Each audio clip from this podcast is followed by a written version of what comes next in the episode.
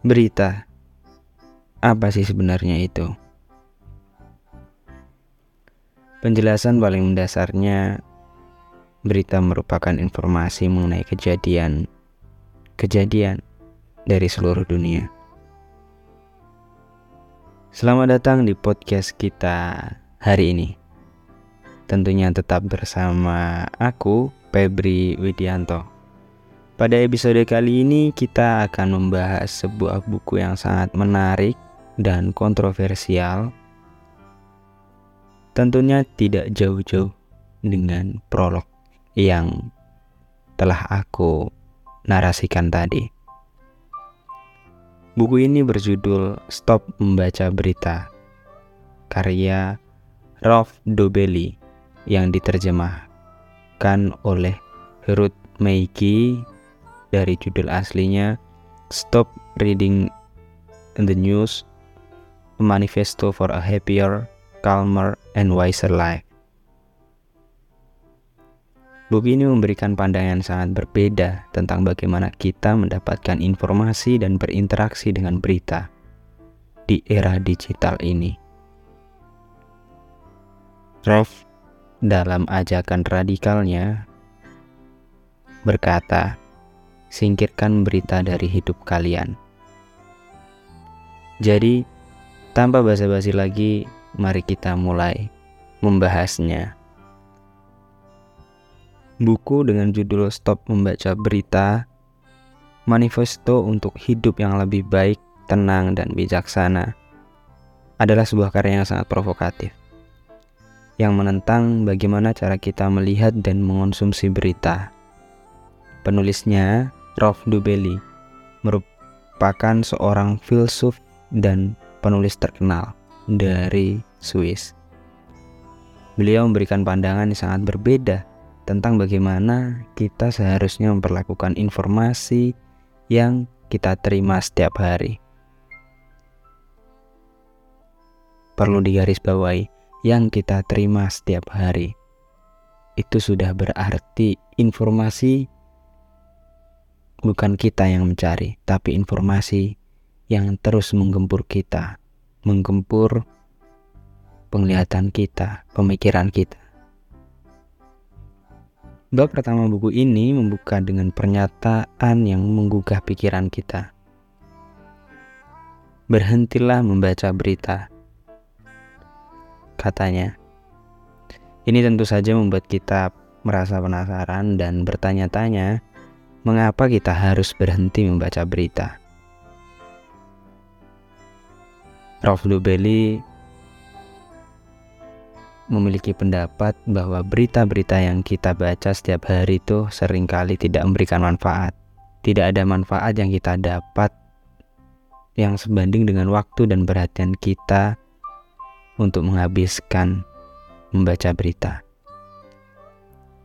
Dia berujar semakin khusus berita yang kita baca, semakin kecil sebenarnya makna untuk kita. Dalam artian berita itu tidak berguna sebenarnya. Kita ambil contoh kecelakaan yang terjadi di Australia, di Amerika, adanya gempa bumi di Guatemala, Korea Utara memproduksi rudal antar benua, berita perceraian artis-artis di Indonesia, perselingkuhan si ini, si itu. Yang perlu kita pahami adalah bahwa berita kadang hanya melebih-lebihkan dan menganggap itu penting untuk kita. Karena kita harus paham bahwa berita itu dijual sebagai sesuatu yang relevan, namun sesungguhnya sangat tidak relevan sama sekali perlu digarisbawahi kata relevan. Dan kita renungkan yang artinya sesuatu itu relevan bila memberikan dampak yang lebih baik menjadi pertimbangan ketika kita mengambil keputusan ataupun sebuah tindakan dalam sebuah kondisi. Salah satu argumen yang diajukan dalam buku ini adalah bahwa berita-berita hari ini tuh penuh dengan kekerasan, tragedi, sensasi yang sebenarnya hanya dirancang untuk memancing perasaan kita. Bahkan Rob dengan tegas mengatakan berita itu adalah polusi mental. Ia menyatakan bahwa hal ini sebenarnya mempengaruhi mood kesejahteraan mental kita secara negatif. Dobeli dengan tegas mengusulkan agar kita lebih selektif dalam memilih berita. Dalam bukunya, dengan tulisan yang lebih panjang, pasti kita akan setuju. Oh, baiklah, kita harus memilih berita yang selektif, yang sesuai dengan keinginan kita, mana yang penting. Tapi menariknya, Rolf dalam buku ini menuliskan kita tuh sadar pasti kita berpikir seharusnya hal ini dalam tanda kutip berhenti membaca berita tidak dipandang hanya hitam dan putih ada titik tengahnya tapi ketika kita mencoba selektif terhadap bacaan kemudian hanya mengonsumsi artikel yang memang penting dan abaikan saja yang lain, secara teori terdengar indah dan sangat menggugah. Tapi tidak ada tidak akan berhasil ketika dipraktekkan. Kenapa itu terjadi? Karena kita tidak dapat memutuskan nilai suatu berita yang kita baca sejak awal untuk dapat cukup menilai apakah berita itu penting dan pantas kita baca atau tidak, kita harus benar-benar lebih dulu membacanya. Dan sialnya, akhirnya kita akan kembali dipaksa mencicipi seluruh hidangan yang disajikan. Namun, pertanyaannya, apakah berhenti membaca berita benar-benar solusi yang tepat? Bukankah kita itu juga perlu memahami apa sih sebenarnya yang terjadi di sekitar kita dan di dunia? Dobeli sendiri menyadari hal ini dan menyarankan agar kita mengganti kegiatan membaca berita itu dengan membaca buku, artikel yang mendalam, atau bahkan belajar di topik tertentu yang kita minati. Namun, Rolf juga memberikan alternatif. Bila kita ingin mempertahankan ilusi tidak ingin ketinggalan semua hal penting di dunia, ia menyarankan untuk membaca sekilas rangkuman berita dalam sepekan di media lokal maupun internasional. Seperti The Economist yang memiliki fitur dua halaman yang merangkum berita mingguan ataupun The Week. Namun, sekali lagi, perlu kita ingat, mengonsumsi berita untuk memahami dunia jauh lebih buruk dibandingkan kita tidak mengonsumsinya sama sekali. Dobeli menuliskan, fakta-fakta dan fakta lagi. Itulah semboyan keliru yang hampir semua perusahaan berita gaung-gaungkan.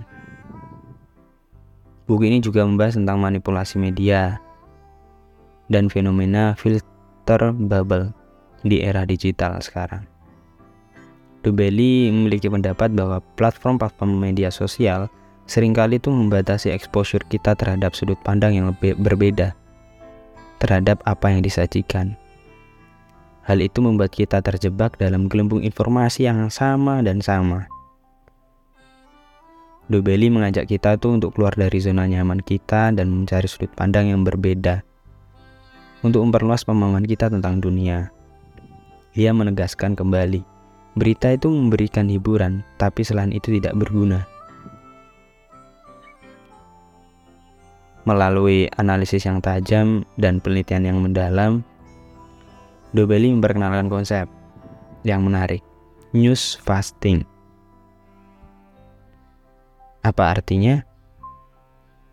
ia mengajak kita untuk berhenti membaca berita untuk sementara waktu dengan harapan kita akan menjadi lebih sadar akan dampak pada pikiran kita.